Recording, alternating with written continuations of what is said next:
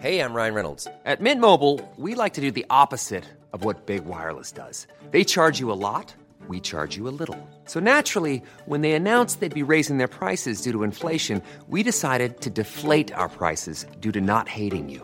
That's right. We're cutting the price of Mint Unlimited from $30 a month to just $15 a month. Give it a try at mintmobile.com slash switch. $45 upfront for three months plus taxes and fees. Promo rate for new customers for limited time. Unlimited more than 40 gigabytes per month. Slows. Full terms at mintmobile.com. Life is full of what ifs. Some awesome, like what if AI could fold your laundry? And some, well, less awesome, like what if you have unexpected medical costs? United Healthcare can help get you covered with Health Protector Guard fixed indemnity insurance plans. They supplement your primary plan to help you manage out of pocket costs. No deductibles, no enrollment periods, and especially no more what ifs. Visit uh1.com to find the Health Protector Guard plan for you. Everyone knows therapy is great for solving problems, but getting therapy has its own problems too, like finding the right therapist, fitting into their schedule, and of course, the cost. Well, BetterHelp can solve those problems. It's totally online and built around your schedule. It's surprisingly affordable too. Connect with a credentialed therapist by phone, video, or online chat, all from the comfort of your home. Visit betterhelp.com to learn more and save 10% on your first month. That's BetterHelp, H E L P. Vi är denna vecka sponsrade av Indie Beauty. Och Sofie, det här tycker jag är extra fint och extra roligt. Ja men Indie Beauty är ju ett skönhetsvarumärke som jag tror att väldigt många känner till, men det jag älskar mest det är att Indie Beauty liksom vill vara mer än bara produkter, vilket de ju också är. Exakt. Indie Beauty står ju för Independent Beauty, skönhet på dina villkor och för din egen skull.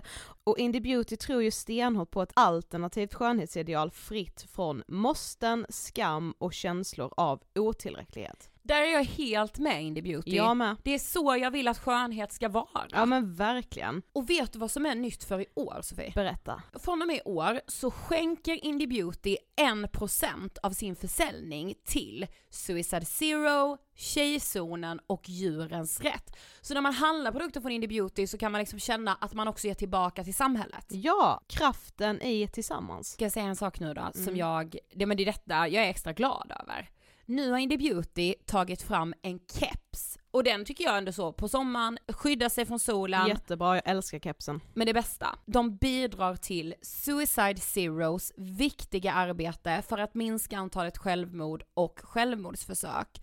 Så för varje såld keps så går hela vinsten, 100 kronor, direkt till Suicide Zero. Då kan man liksom göra nytta både för samhället och sin hud på en och samma gång. Ja, och kepsen kostar 169 men alltså hela vinsten går då som sagt till Suicide Zero. Mm. Så om man vill göra skillnad när man är där ute i solen, nu när den börjar titta fram, då ska man välja den här kepsen. Den säljs exklusivt på indiebeauty.se och på Apotea. Tillsammans kan vi skapa en ljusare framtid. Vi ses med kepsarna på! Tack Indie Beauty. Vi är sponsrade av Mindler och som ni säkert vet sedan tidigare så är vi ju ute på psykologresan tillsammans. Men hur vet man egentligen när det är dags att söka hjälp? Ibland uppstår saker i livet som kommer utmana oss och kännas tufft. Det mesta självläker vi oss igenom, för vi är menade att ta oss igenom en viss mängd påfrestningar. Men ibland behöver man professionell hjälp för att ta sig ur jobbiga perioder i livet. Men vart går då gränsen? Vad är en del av livets skavighet och när är det läge att söka hjälp? Det sägs till exempel att stress är farligt, men att också kan vara bra. Alla sover dåligt ibland, så när har man egentligen sömnproblem? Ångesten kommer väl krypande för de flesta någon gång. Så när ska man se ångesten som outhärdlig? Hur vet jag? Med oss som psykolog har vi såklart min gamla psykolog Linnea Seidbrant. Men Linnea, vad är egentligen utmattningssyndrom? Utmattningssyndrom är en konsekvens av svår och långvarig stress utan möjlighet till återhämtning. Vi är ju då skapta för att klara av stress, men vi behöver också återhämtning. Om du utsätts för för mycket stress under en lång period utan att du får till den nödvändiga återhämtningen så kommer kroppen till slut att säga ifrån. Och det är faktiskt så att alla har en gräns. Du kan drabbas av en rad fysiska eller psykiska besvär som trötthet, sömnproblem, hjärtklappning, besvär från magen och tarmarna och mycket annat. Och det här är ju då varningssignaler och tecken på att du kan behöva göra någonting åt din situation. Annars så kan besvären utvecklas till att du mår så dåligt på sikt att du blir psykiskt och fysiskt utmattad. Ladda ner Mindler till din telefon och läs mer på mindler.se.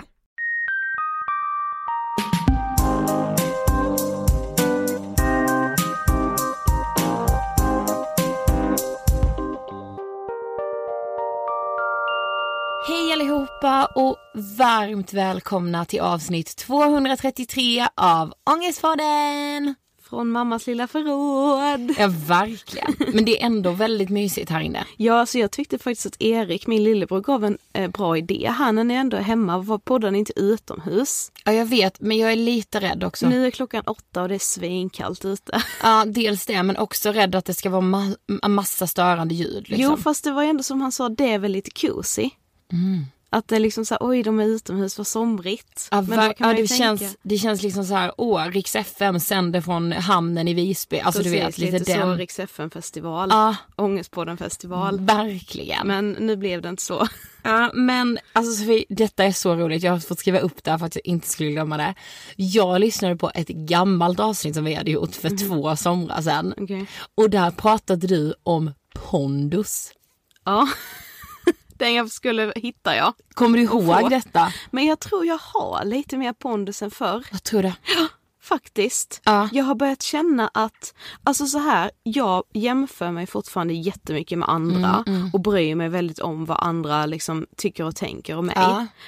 Men, och det här kommer ju låta astöntigt men det blir fan bättre med åren. Alltså jag kan inte riktigt skriva under på det för Nej, det går kanske- i cykler. Det kanske alltså. bara är för att jag är på en bra plats just nu. Men jag skulle säga att pondusen, den är inte där så mycket som jag skulle vilja.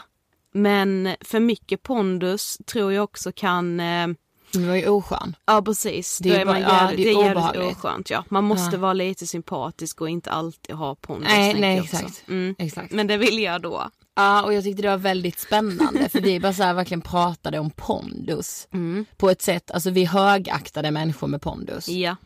Och vi stretchade det långt liksom. Du vilket avsnitt det var? Eller om man? Eh, 120 någonting, 121 det hette, hette Självkritikerna. Okej, ja. Mm. Mm. Spännande. Ja men det var faktiskt jättespännande. Ja. Det är vad jag har gjort på min semester hittills. Ja men härligt. Vi är denna vecka sponsrade av otroliga Mindler som gör det möjligt att prata med en psykolog online.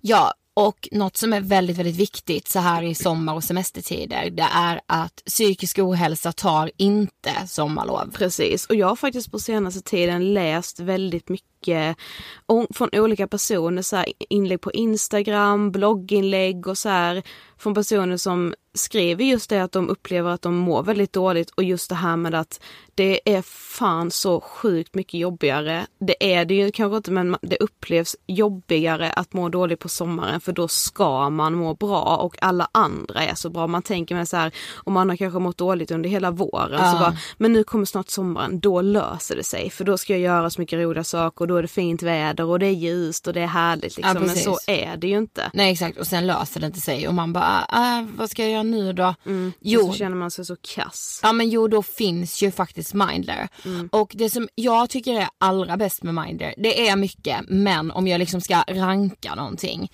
då är det att du kan uppge vad du har problem med och se vilka psykologer som är ja, men lite mer specialiserade på de ämnena. Precis, och du får nästan alltid, om du själv vill, tid dagen efter eller till och med Ja. samma dag.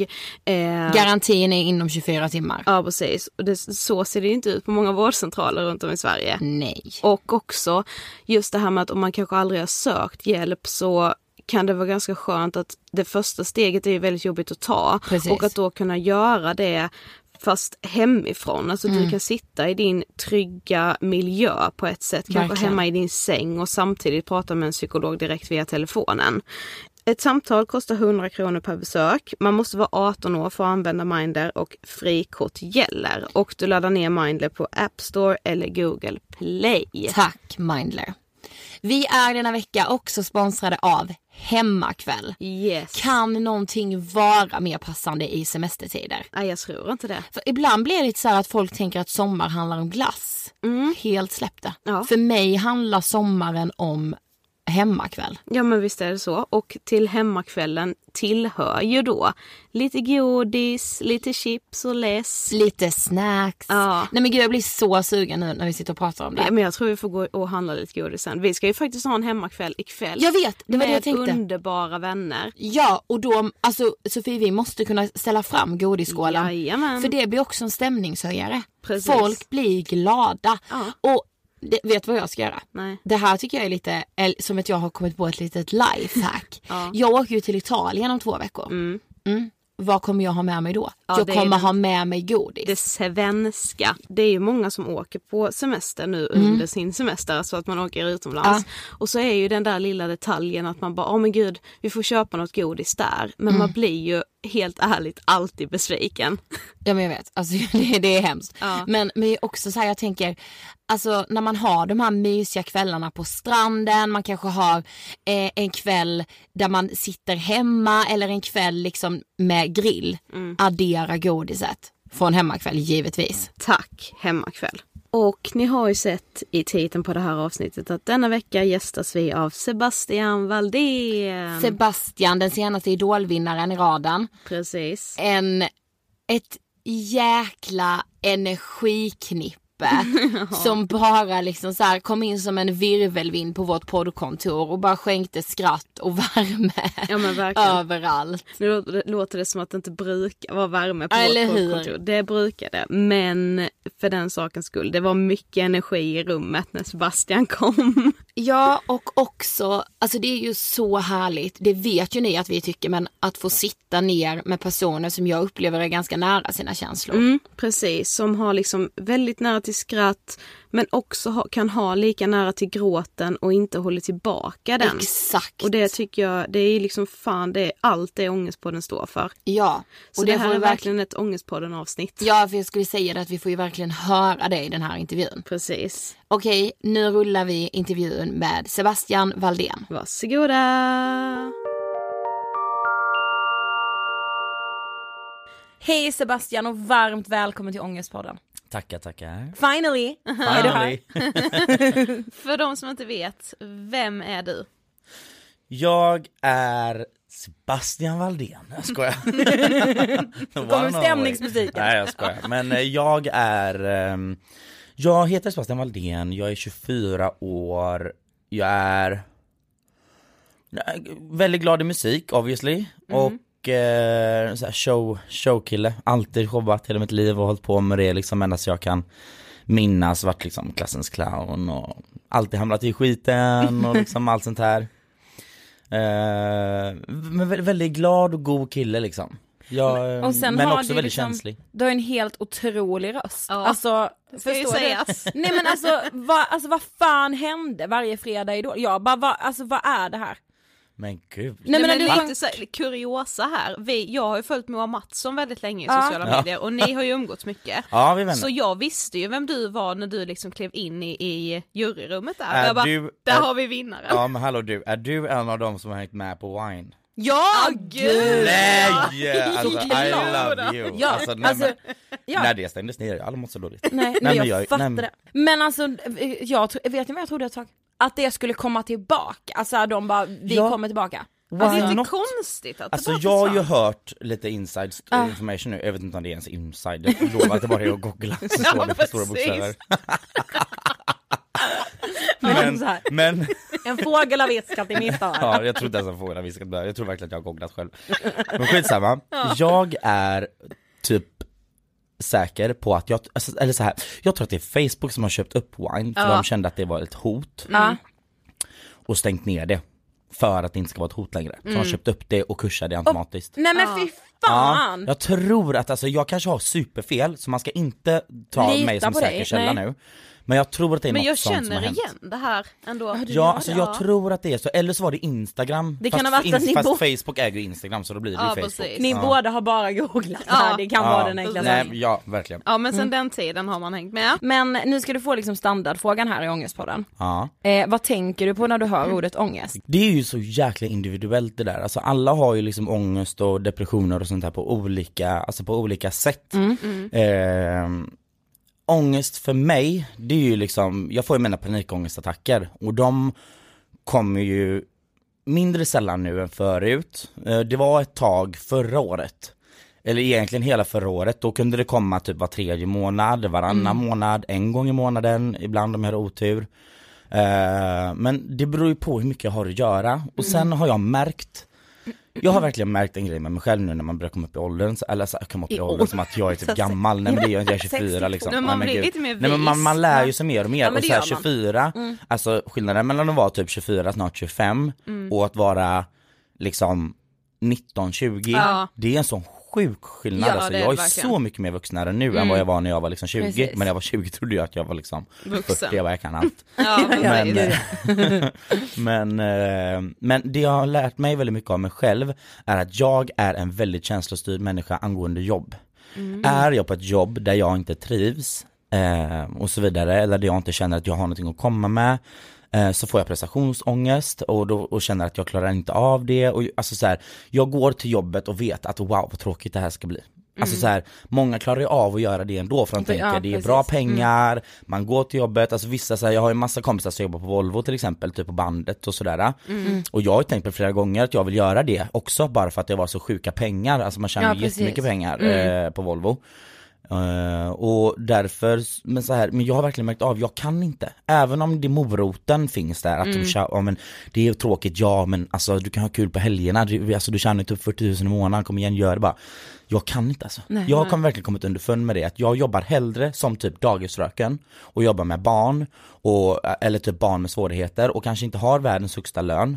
Och Men istället mår något. jättebra som Ja. person och är rik på kärlek och sånt istället. Har jag verkligen märkt. Ehm, och det, det, det är någonting som jag tar med mig. Och också så här, sen jag klev in i Idol så har jag faktiskt inte haft en enda panikångestattack fram till idag. Är det sant?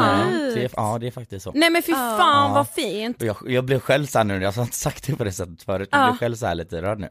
Men eh, ja, Wow, nej faktiskt alltså. inte. Nej. Ja. Men så här, på tal om Idol då, du vann ju Idol 2018. Och, men vi... Ni får avbryta mig om jag pratar för mycket. Nej men det, nej, men här är älskar, podd. ja, Alltså, det är det vi älskar snacket. ja, eh, men vi är ju lite nyfikna på liksom vem du var innan Idol, alltså Ja. vem, vem var du som liten? Alltså som liten så var jag ju verkligen högt och lågt. Eh, jag var väldigt såhär center of attention och nu ska alla kolla på mig och så här och folk bara, åh, jag orkar liksom inte kolla på den nu. Jag bara, men jo, inte stund. igen. Men ja, ja, vi har sett Nanne Grönvall-numret nu 40 gånger, kan du börja med något nytt liksom? Nu ska jag i kaffe snart. Och bara, ja det är det. Ja då går jag in i rummet och byter om. Det kom. Jo, och det var verkligen så. Ja, så kom jag ut, var Nanne Grönvall och du vet, Nanne Grönvall har ganska så här platt frisyr. Hon är ganska platt uppe på huvudet och så luggen och så här. så jag köpte en orange peruk. Ja, och så la jag in en CD-skiva under peruken i håret för att jag skulle få den här platta, alltså formen på huvudet. Att tänka på Ja, allt. ja, och då Hur jag gammal var du nu? Sju, åtta. ja. Nej men Kunde du gud. Ja, läsa? ja. Jag var sex. Nej men alltså helt otroligt. Ja. Nej men det här med är det kaffe som Ja, ja, och sen kuta in i rummet, kommer ut transvestite. Hello, I'm here. Som, men gud, vem är det här? Vem vad kommer ut nu? Men gud. Man är en bög, man bara no shit. Ja det är så fint. Ja. Men du var, så du älskade liksom att vara i centrum, ta plats. Ja, gud ja. Mm. Men det har ju också varit en nackdel när jag var liten, för alltså jag fick ju jag väldigt mycket skit. Alltså ibland, jag, alltså, så här, min mamma hade ett jobb ibland och hon var ledig på fredagar eller sådär. Ehm, eh, eller pappa tror jag var ledig på fredagar. Jag tror det var så det var.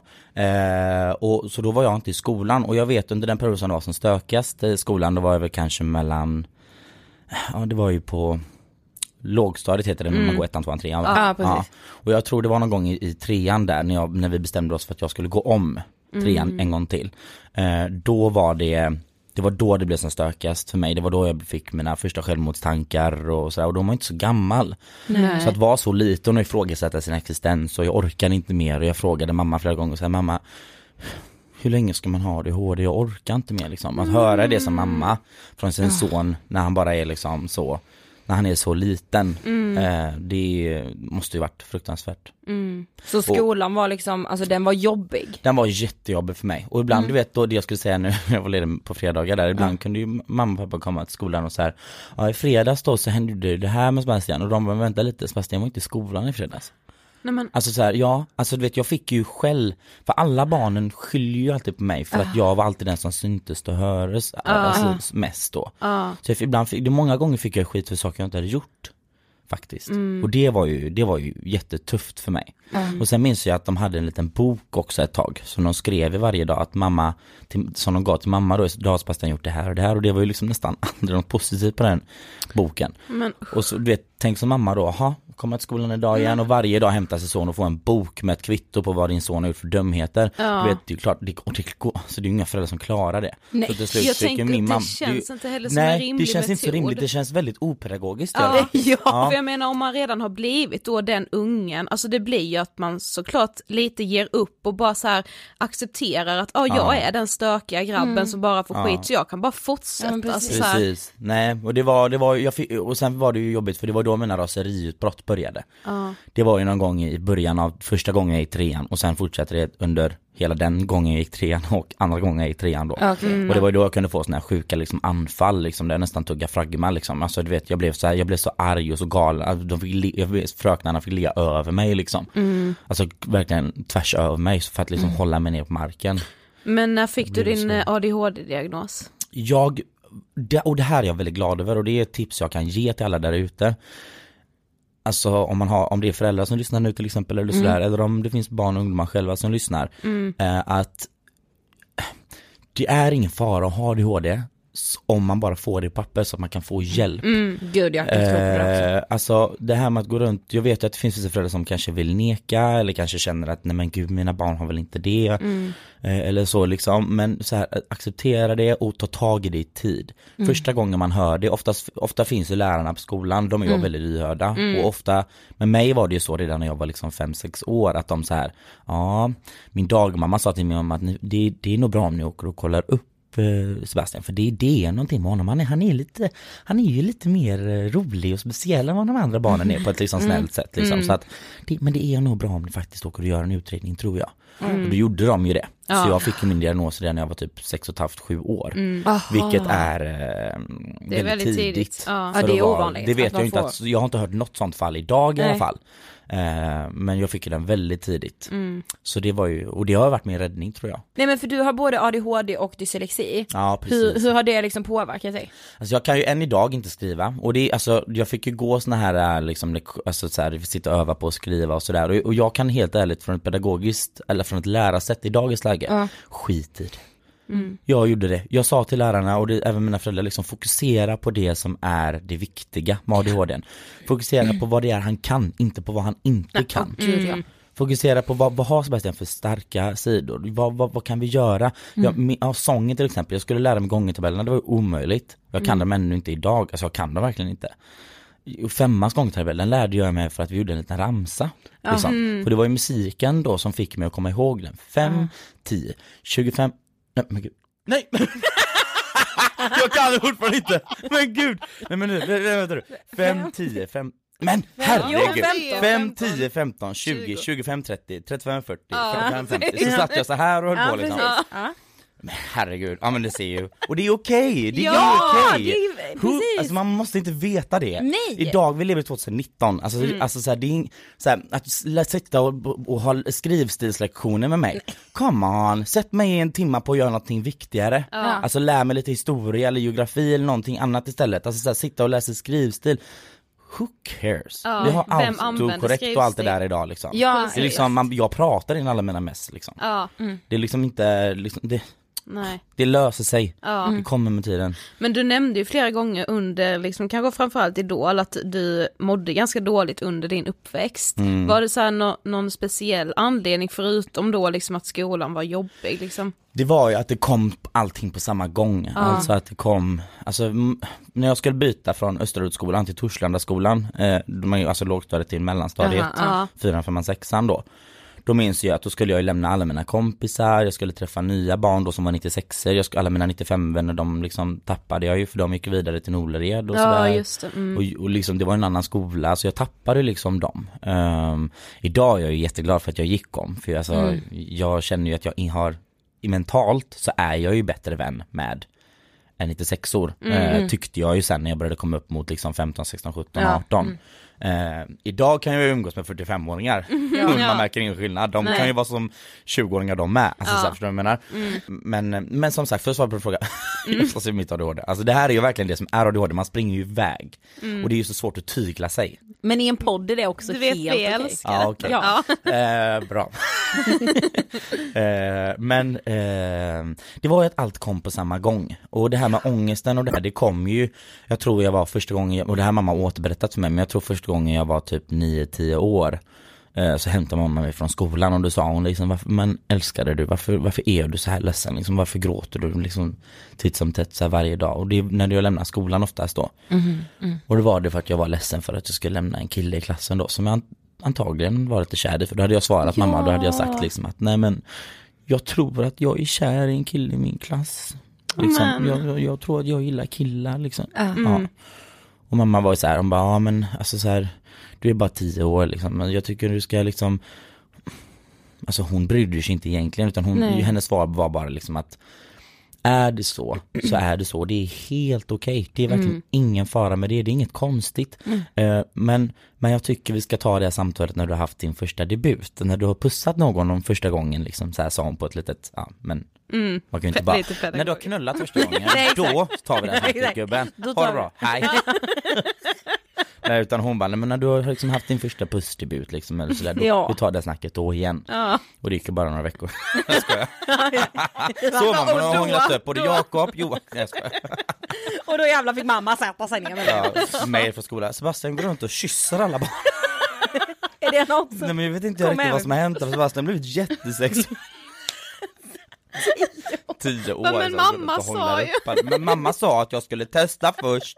Och sen, Sen ska vi diskutera. nej men gud. Nej, Nej, men men så, vi, ja, men vi, för vi hörde i en annan intervju att du sa att du var liksom obekväm i din sexualitet. ja det var och jag. att du så här, citat, försökte bli straight. Ja, det försöker Alltså jag. berätta om Jag har det. ju fått lite skit för det. Alltså jag har fått folk som har hört av sig, alltså andra, alltså från just min community då. Ja. Ehm, Jag tycker det är lite fel att ge någon skit för det, för jag tycker att alla har sin coming out story, alla Ja. har dealat med det på sitt sätt. Så jag tycker det är lite fel att ge mig skit för det. Mm. Men ehm, det har varit lite hat angående det. Eh, Okej, För att du liksom jag försökte uttryckte mig bli så. straight eller vadå? Ja, att jag uttryckte mig så liksom. Ehm, och jag tycker inte det är konstigt, alltså så här. Jag var, alltså så här, jag tyckte ju att det var en sån fruktansvärd omväg att gå. Inte att det var så här jobbigt att tycka om killar, för det tycker jag inte. Och det tycker jag har jag aldrig tyckt. Jag, jag försökte ju innerligt verkligen att bli, liksom så här, jag tänkte att om jag bara så här nekar det.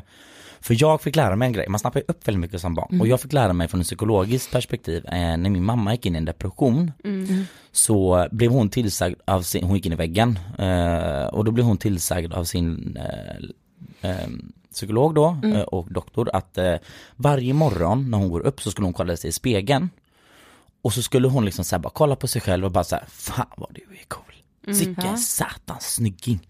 Du, vet du hur sjukt snygg du är eller? Ja. Fy fan, och den här dagen, du, den kommer bli så jävla bra. vet, man skulle verkligen stå och överdriva. Ja, ja. hon fick så här tillsägelser om att det kommer kännas görkonstigt i början. Men gör det i typ ett halvår. Börja varje dag, det första du gör med att gå och ställa dig i spegeln, bara peka på dig själv och bara tala om för dig själv hur vacker och snygg och cool du är liksom. Och hur, att you got this liksom så här. För tydligen så är det så att det funkar. Man, alltså man har en del av hjärnan, eh, människohjärnan är ju den sjukaste hjärnan. Ja, det är vi, vi är ju sådana sjuka Ja. djur, det är helt otroligt när man tänker ja. på det. Men ja, ehm, den går ju att lura. Eh, så till slut kan man ju faktiskt börja tro på sig själv. Det finns ju vissa gånger som man har, jag i alla fall under min barndom har jag säkert gjort massa dumma grejer. Där jag känner såhär, gud jag har skämt så mycket att jag bara vill glömma det. Och idag har jag glömt det.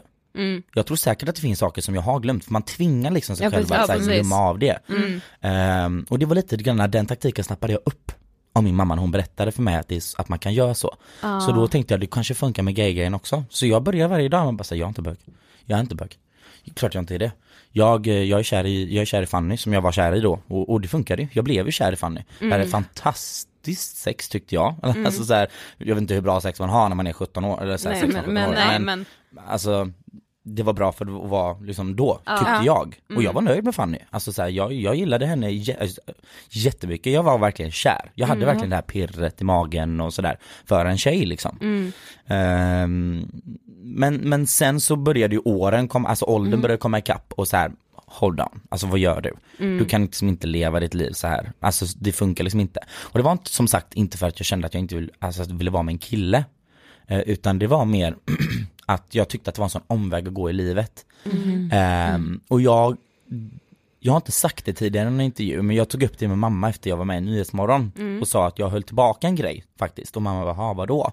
Och nu tänker jag säga det, det Mm. är ingenting på min mamma, vi har en jättebra relation och vi har Mm. alltid haft det. Mm. Men det är en grej där, de, där jag kan tycka att de har skrämt mig väldigt mycket och det är också en av anledningarna till att jag kanske mått lite dåligare. Mm. Ehm, och det är att hon sa, hon har, alltså mina föräldrar har alltid pushat väldigt mycket på barngrejen. Mm. Och du vet, det är inte, idag är de ju helt annorlunda mot det, Ja. men då, alltså var det fort, när jag var liksom 10, 12, 13, 14, 15, 16, då var det fortfarande lite, vi hade inte kommit dit där vi är idag. Idag är det Nej. ju liksom värsta Happy birthday Ja, to ja, you, för man kommer ut liksom. Det är ju Ja. värsta festen när man kommer ut som Ja, 16-åring idag liksom. Man förstår vad jag Ja. menar? Det var det ju inte då. Det var fortfarande liksom skam, lite så här, mm, Mm. det var lite dumt då på den tiden. precis. Mm. Eh, Och det är ju bara liksom, det är ju bara några år sedan. Så det är ju sjukt hur snabbt Precis. vi Mm. har växt, eller växt fram. Mm. Men i alla fall, eh, jag, jag, jag var ju liksom verkligen så här: nej men gud, är man bög får man inte barn. Är man bög så får man inte barn och jag vill gärna ha barn.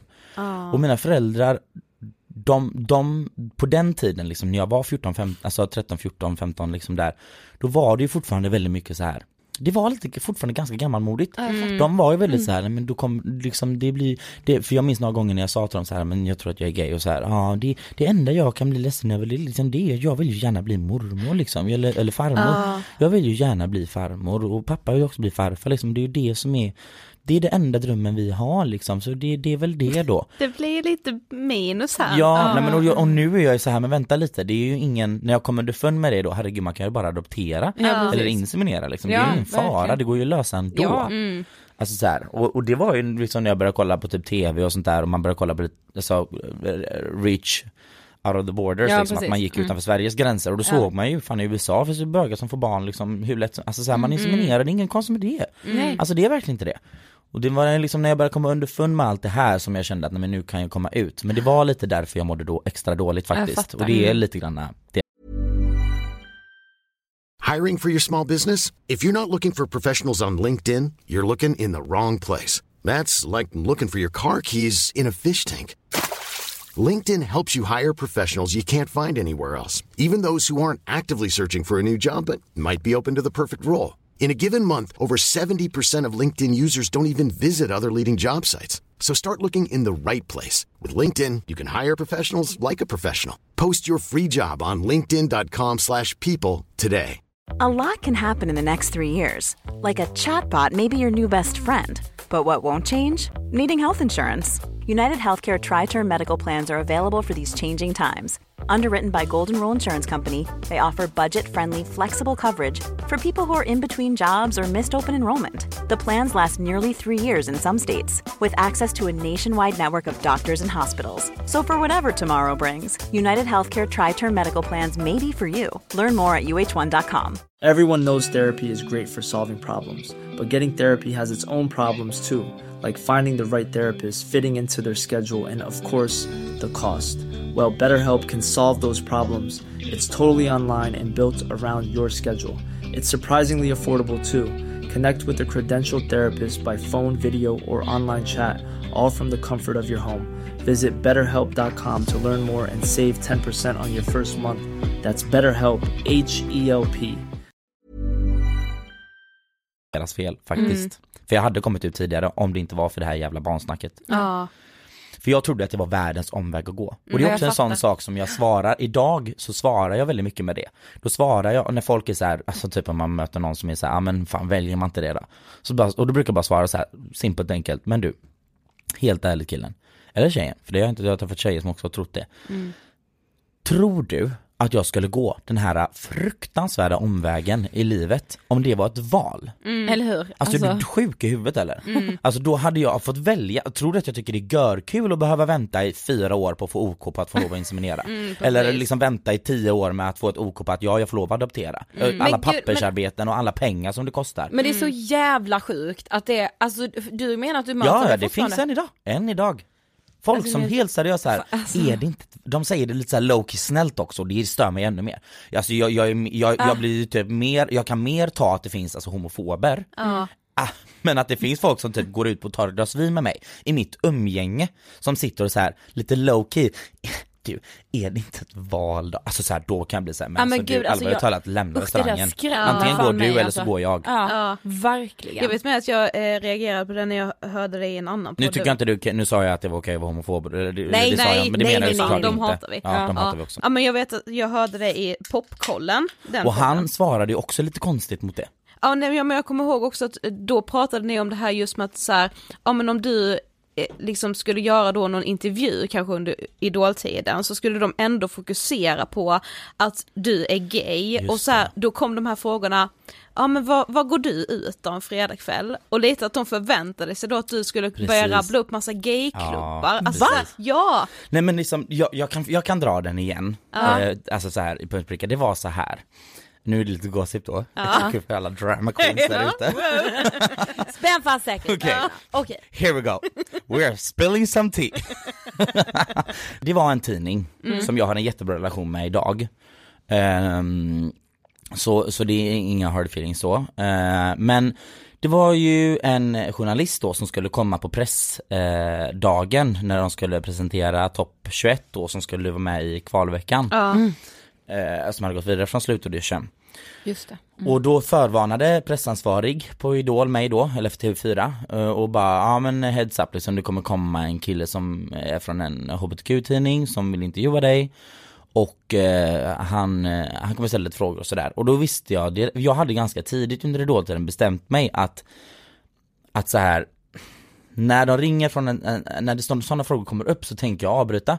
För jag kan inte dra parallellen, alltså jag har väldigt svårt att se det här vad fan har vad jag gör i sovrummet med att göra med vem Sebastian Valdén, artisten på scenen? Precis. Vad Alltså, drar ni vet. den, Alltså, alltså, jag ah. fattar inte vad de drar den parallellen. Nej. Alltså jag har så svårt att förstå så här, men alltså så här vem jag ligger med har väl för fan, alltså hur speglar det mitt artisteri? Ja, eller hur? Alltså visst att jag ska stå upp för min, för min, alltså för min, för my gang liksom, för ja. min sexualitet och för Ja. alla andra där ute och det gör jag i ett sånt här sammanhang. Exakt. Men när det kommer till mitt jobb och hur jag utför det så tycker inte jag att det spelar någon roll. Och visst ställ frågorna men då får man ställa dem lite smart, typ så här. då kanske man ska säga hellre, hur känns det att vara gaykille och vara med i Idol? Eh, eh, för det har inte varit så många, kanske man kan säga då. Precis. Och, så, och då svarar jag gärna, men när det kommer till typ så här, det var ju ganska uppenbara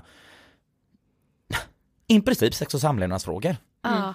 Och då blev jag så här, men vänta lite, och, så så här, och jag var så här, nej jag vill inte att han kommer, jag vill, jag tänker, för så här, det är också väldigt lätt att hamna i det här facket, man har ju sett det förut, gaykillen från 2018. Precis. Nu blev det så ändå, för jag är den första öppet homosexuella killen som gick och vann Idol i historien. Jag tror, jag tror kanske att det är världen, vi håller på att kolla upp det. Nej, är det Wow. sant? Ja, kul. ja Samma vi, vi, det kan vara så. Eh, vi håller på att kolla upp det. Jag har googlat som ett idiot, jag har faktiskt inte hittat.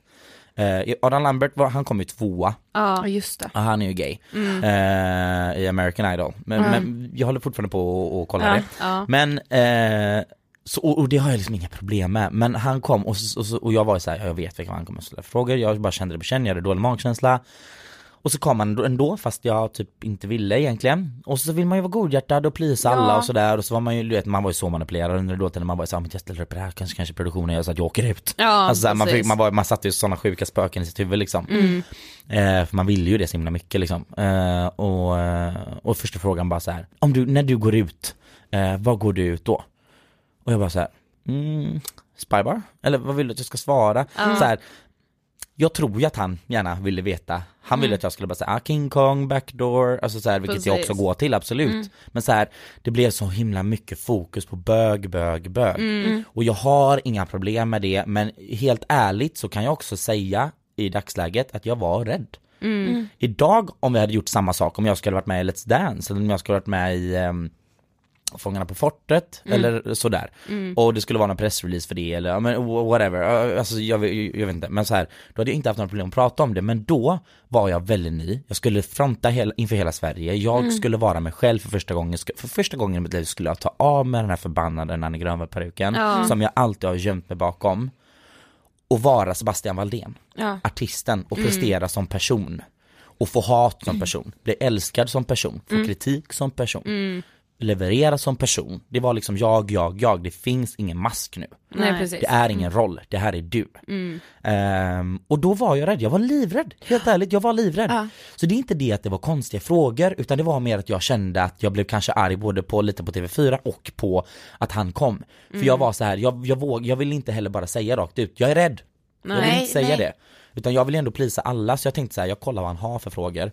Men, men det, var, det var väldigt så här liksom, och jag, och jag ville inte hamna, jag ville inte att folk skulle säga, ja men han är bög, eh, facket liksom. Eh, jag vill inte hamna där. Nej, Men för det man blir vill ju ändå som en- ses som artisten, inte Ja men exakt, och sen när, när det också blir att så här, de heterosexuella andra artistkollegorna får inte samma frågor. Alltså, Precis! Det är så här, Ja, va? så här, ja exakt, och det var det här jag kände, så här, du frågar ju inte Kadiatou så här, vad går du ut? Nej, Nej, precis. Alltså så här, du frågar inte William Strid som är 21, vad går du ut? Nej. Så här, what the fuck is that for a question? Alltså förlåt. Ja. Verkligen. Men Ja, vad det är det för konstig fråga? Ja. Och så frågar han typ så här, eh, ja, men han, han var väldigt framfusen var han. Han var väldigt framfusen i sina, i sina frågor och han var väldigt så här, eh, ja men du är väl ändå gay? Du kan väl ändå säga att du är gay? Eller är du inte gay? Har du inte kommit ut? Ja, Det var väldigt så här snabbt och jag bara, jo jag har det men jag vet inte för jag vill inte att det ska få fokus på det. Och jag, och jag blev ju så ställd mot väggen. Och jag blev bara så här, åh vet du vad, gå härifrån! Jag bara, alltså förlåt men jag vill inte göra det här. Nej. Han bara tack för intervjun så gick han och sen så gick jag bara och började, st- alltså jag fick verkligen nästan en panikångestattack igen Ja. och bara gick till pressansvarig jag bara, jag vill att du ringer upp honom och han publicerar inte det här. För jag har inte svarat ett dugg rätt på hans frågor, jag har inte gett dem hans svar han vill ha. Den här Nej. intervjun blev bara total pannkaka, jag vill Mm. inte att den här publiceras liksom. Eh, jag vill prata om min gay-grej, alltså, alltså jag, brukar, jag, jag, jag sa till Mm. ett pressansvarig eh, på eh, Idol så sa jag bara så här, jag bara Helt ärligt, anledningen till varför jag är så osäker, hon bara varför är du så osäker? Jag bara nej men helt ärligt att komma ut för sin familj, att komma ut för sina vänner eller komma ut för någon på krogen på fyllan eller så här liksom Att komma ut för 1,5 miljoner tittare är som att komma ut helt och hållet på nytt för mig. Mm. Och det är jävligt läskigt. För mig är det det. Liksom så här, nu har jag kommit ut för 50 personer, inte samma sak som för, som att komma ut för 1,5 miljoner Nej, människor. nej. Eh, som ska döma en, som ska kanske höra av sig och säga att vad äcklig du är eller eh, bögjävel dra åt helvete eller sådana som du ska brinna i helvetet eller vad det nu är. Precis. Och, och mycket riktigt när jag väl öppnade upp mig eh, var ju väldigt mycket kärlek, 80% kärlek men det fanns ju de här eh, 20% också som, som liksom, ja men äckliga bögjävel och, och går bara vidare för att du är bög, sympatiröster bla bla bla, bla och sådär. Mm. Och det kan ju såklart bli väldigt jobbigt när man redan liksom har mått dåligt i uppväxten för det Mm. blir ju lite som att man liksom kastas tillbaka Ja. till det här liksom existentiella ångesten och bara Precis. vem fan är jag egentligen? Ja liksom precis, och det var ju det som hände. Ja, men och du, du funderade ju väldigt mycket då som du nämnde lite tidigare så här under din uppväxt liksom så här bara men vem är jag liksom och så här, ja men du funderade mycket på din existens. Mm. Går det på något sätt sätta ord på de känslorna som du liksom kände då och som du kanske lite också kastades tillbaka till nu Ja. under Idol?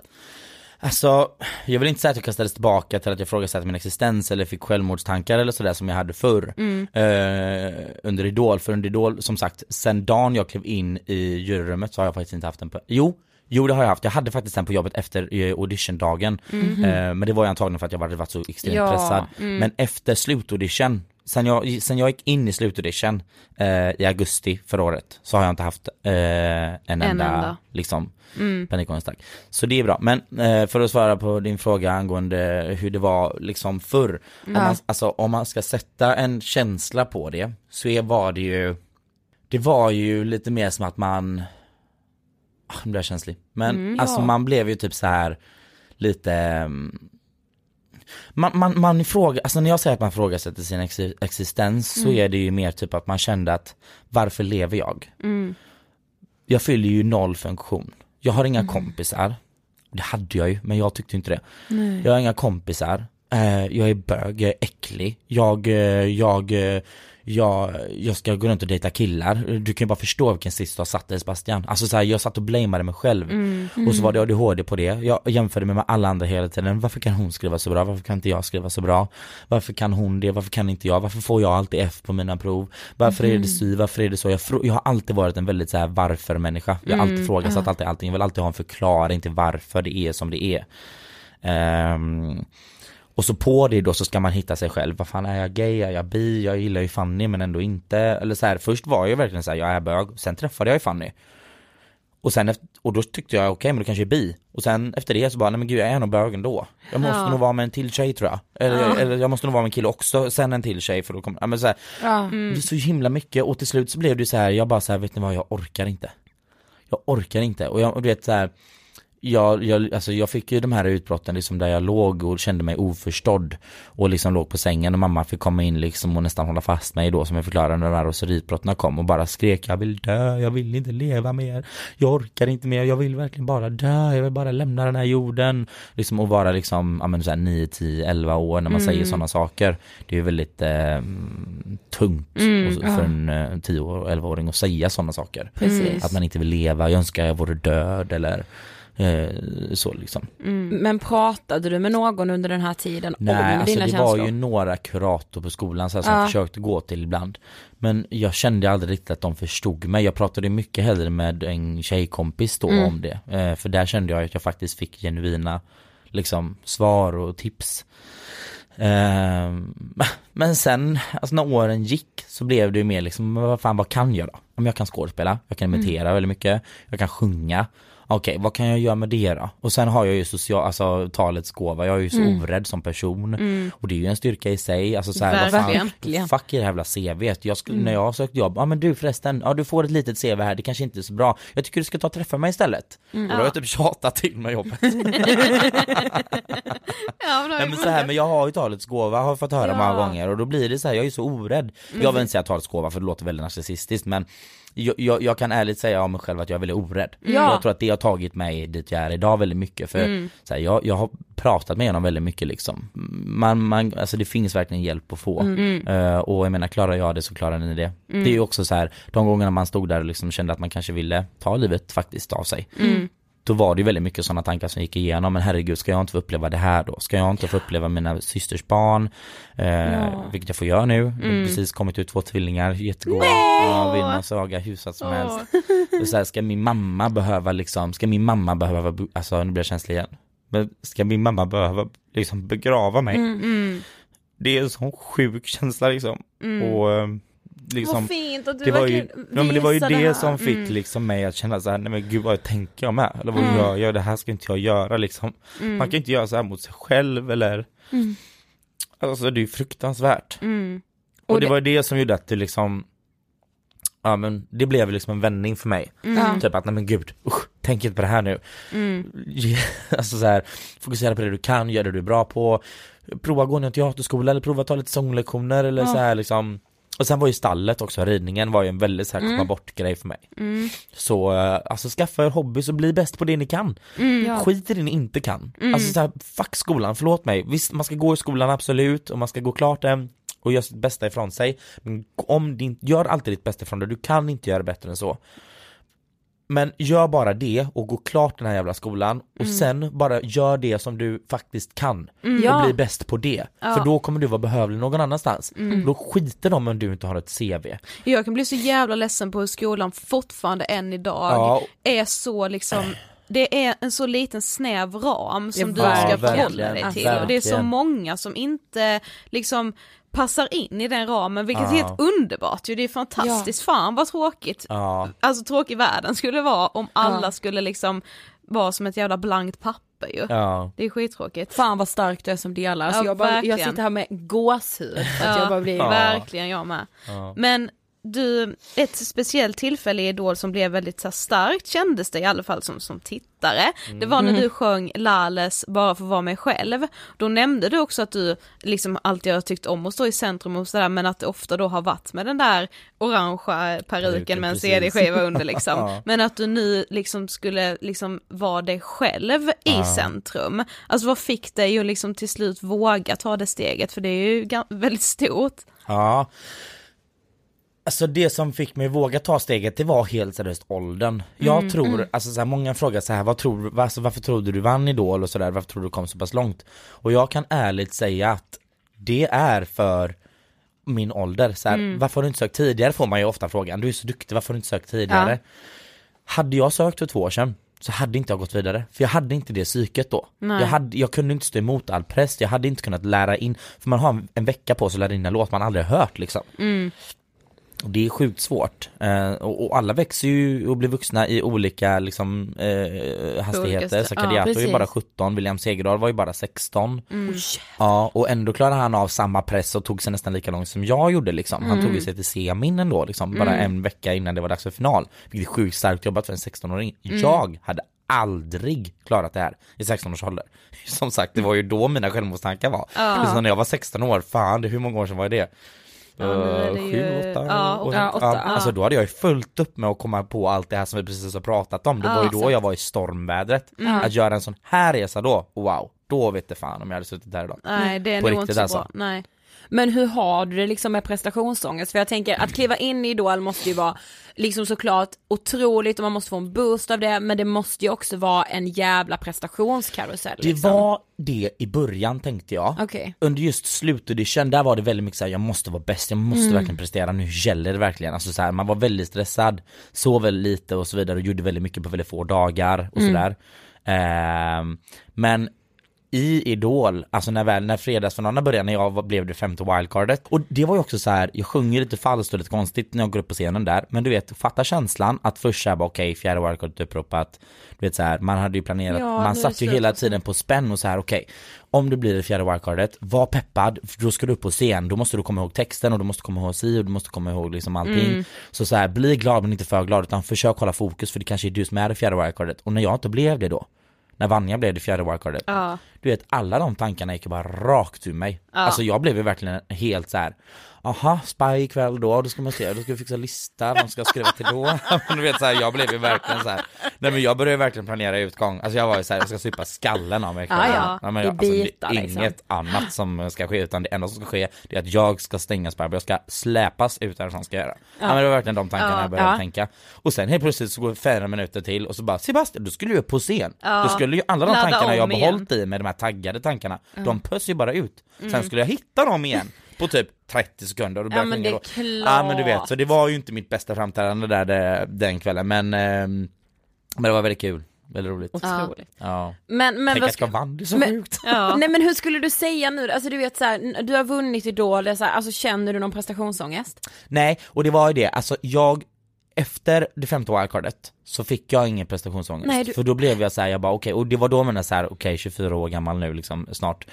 Okej, tänk ut nu på ett vuxet sätt. Vad kan du göra? Vad kan du inte göra? Hur ska du nu tänka liksom? Och då blev jag bara så här. Jag bara, vet ni vad?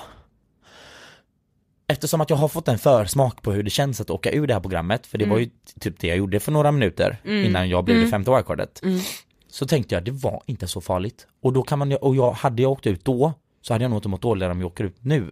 Nej. Så jag blev, jag blev bara, jag blev bara så här, vet du vad Sebastian, du gör som du gjorde i skolan, du gör ditt bästa, så får det bära eller brista. Och jag tror det var därför, alltså varför jag var så här laid back och jag, jag gjorde bara mitt bästa och hade bara kul. Och jag tror att det syntes väldigt mycket. Ja. Eh, jag tror det var därför Ja. jag blev ganska folkkär också, för att Precis. jag var väldigt så här. Ah, Jag bara, jag, jag njöt verkligen på scenen. Jag hoppas att det syntes. Ja. Och vad jag har fått höra på gatan när man träffar folk och så, så är det en av de grejerna som de flesta tar upp. Gud, du kändes så hemma på scen. Man var inte nervös när man tittade på dig som man Nej. kunde vara ibland liksom så här. Men med dig var det bara så självklart allting och du Precis. var så duktig på att ta kameror och intervjuerna och allt det här liksom. Visste allt vad du skulle säga och sådär. Så, så ja, det var väldigt mysigt att titta på. och då blir man så här, "Åh, vad tänker du det? Ja, ja men det Ja, är det är klart. så glad. Ja. Men vi hörde också i den här, eh, i en annan intervju med dig att du har eh, haft ganska svårt för att skriva liksom egen musik eller egna texter. Mm. För att ofta när du sätter dig och ska skriva så kommer det väldigt mycket sorg. Ja. Har du mycket sorg inom dig? Jag har ju haft mycket sorg i mig, eller, Mm. eller jag har haft mycket tankar som har varit väldigt jobbiga, de har tagit väldigt mycket energi och det jag jobbar med nu det är ju att få tillbaka all den energin som, eller de åren som togs ifrån mig under den tiden jag mådde som dåligast Mm.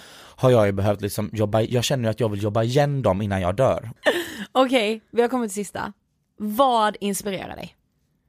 Bianca Ingrosso. På riktigt, hon är en stor inspiration. Mm. Alltså jag är jätteinspirerad av henne. jätte. Alltså Mm. jag är jätteinspirerad. Jag jag älskar Mm. Wahlgrens värld. Ja. Jag älskar Bianca Alltså, Ingrosso. ja. Jag älskar att sitta och titta på, ah, nej men alltså du vet när Wahlgrens värld kommer ut, ni vet att, nej men jag är sjuk, jag kan inte säga det här. Jo men nu får du säga. Nej men alltså du vet, jag, ja men så här du vet när man, alltså jag, jag blir nervös jag pratar om henne. Jag är ju ett fan. Jag Ja, är men- ja. ett fan. Ja, och jag, och jag, jag, jag står för det. Och jag Ja. är nästan ännu större fan av Pernilla. Ja du är det. Ja, alltså jag tycker Pernilla är så rolig. Har ni sett Ja. avsnittet när hon pratar om ananaser i, när hon är full? Nej, Eh, jag vet hon är, inte. Hon, är, hon har eh, druckit lite skumpa på dagen. Eh, och Jo, så så ska hon Bianca ju- komma ner till, till Marbella. Ja. Eh, och så kommer Bianca hem och så knackar hon på och Jo. då öppnar Pernilla dörren. Welcome to casa! Ja, hon. sett det. och Bianca bara, men gud, full. och så här, ja här är vi ett rum, här är, här är ditt sovrum. Hon bara, mm, jag vet det, jag har varit här tidigare. Ja, just det, och man ser verkligen att hon är så här onykter. Och sen går hon ner, kan du fatta att jag har köpt ett par ananastofflor? Jag har hittat ananastofflor. Och Bianca bara, ja, och hon bara, du, tycker du inte om dem så kan det gå någon anananas Ja just hatten fucking av för Ja. Men i alla fall, eh, jag inspireras väldigt mycket av människor i, generellt faktiskt. Mm. Jag får väldigt mycket inspiration bara jag går ut på stan. Alltså får Mm. jag, om vi gör en ny låt eller om någonting som jag känner att jag inte kan viba med i studion, då brukar jag sätta på samma låt på min mobil och gå ut och gå genom Gamla stan eller gå vid slottet eller Mm. gå vid Stureplan med dem på och låtsas som att jag är med i musikvideo typ. Ja. Och bara se hur folk runt omkring mig för sig. Funkar den här låten i den här miljön? Funkar den här Ah, ja. låten i den här? Funkar Mm. den på gymmet? Funkar den när jag joggar? Alltså så, här, så brukar jag göra för att veta att Nej, det här är en låt som är en allätare. Mm. jag, inspireras, jag inspireras av väldigt mycket, väldigt mycket miljöinspiration har jag. Se fram emot att höra mer musik. Ja, ja, ja, ja. Verkligen. Mm. Tack så Tusen jättemycket. tack. Tack så jättemycket, jag vill inte sluta prata! Jag vill sitta här i tre timmar till. Men vet du ibland gör vi återbesök då är det du som får komma tillbaka. Åh herregud, åh herregud. Okej, Stopp, stopp, stopp. stopp. Hej på er! Okej.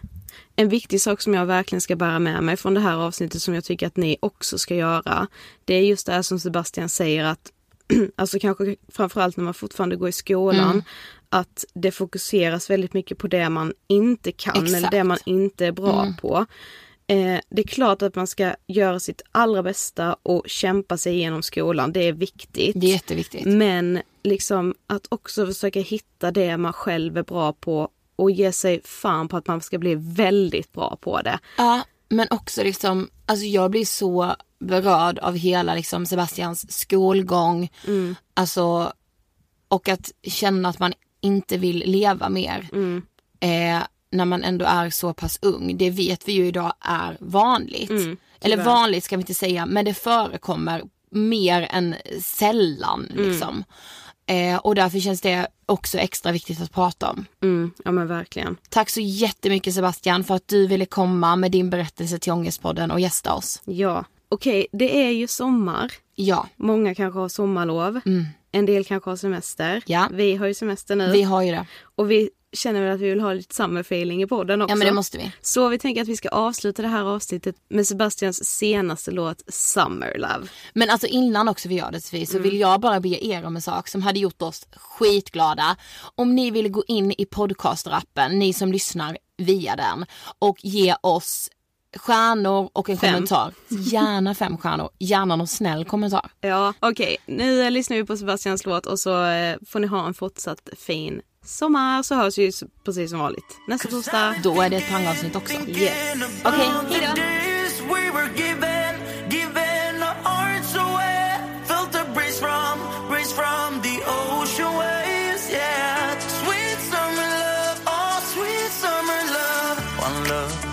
Kiss. I never knew what I would miss, but now I want ya. Don't you know I want ya? Your skin, your touch, baby, it made me feel so much, and now I want ya. Don't you know I want ya? All the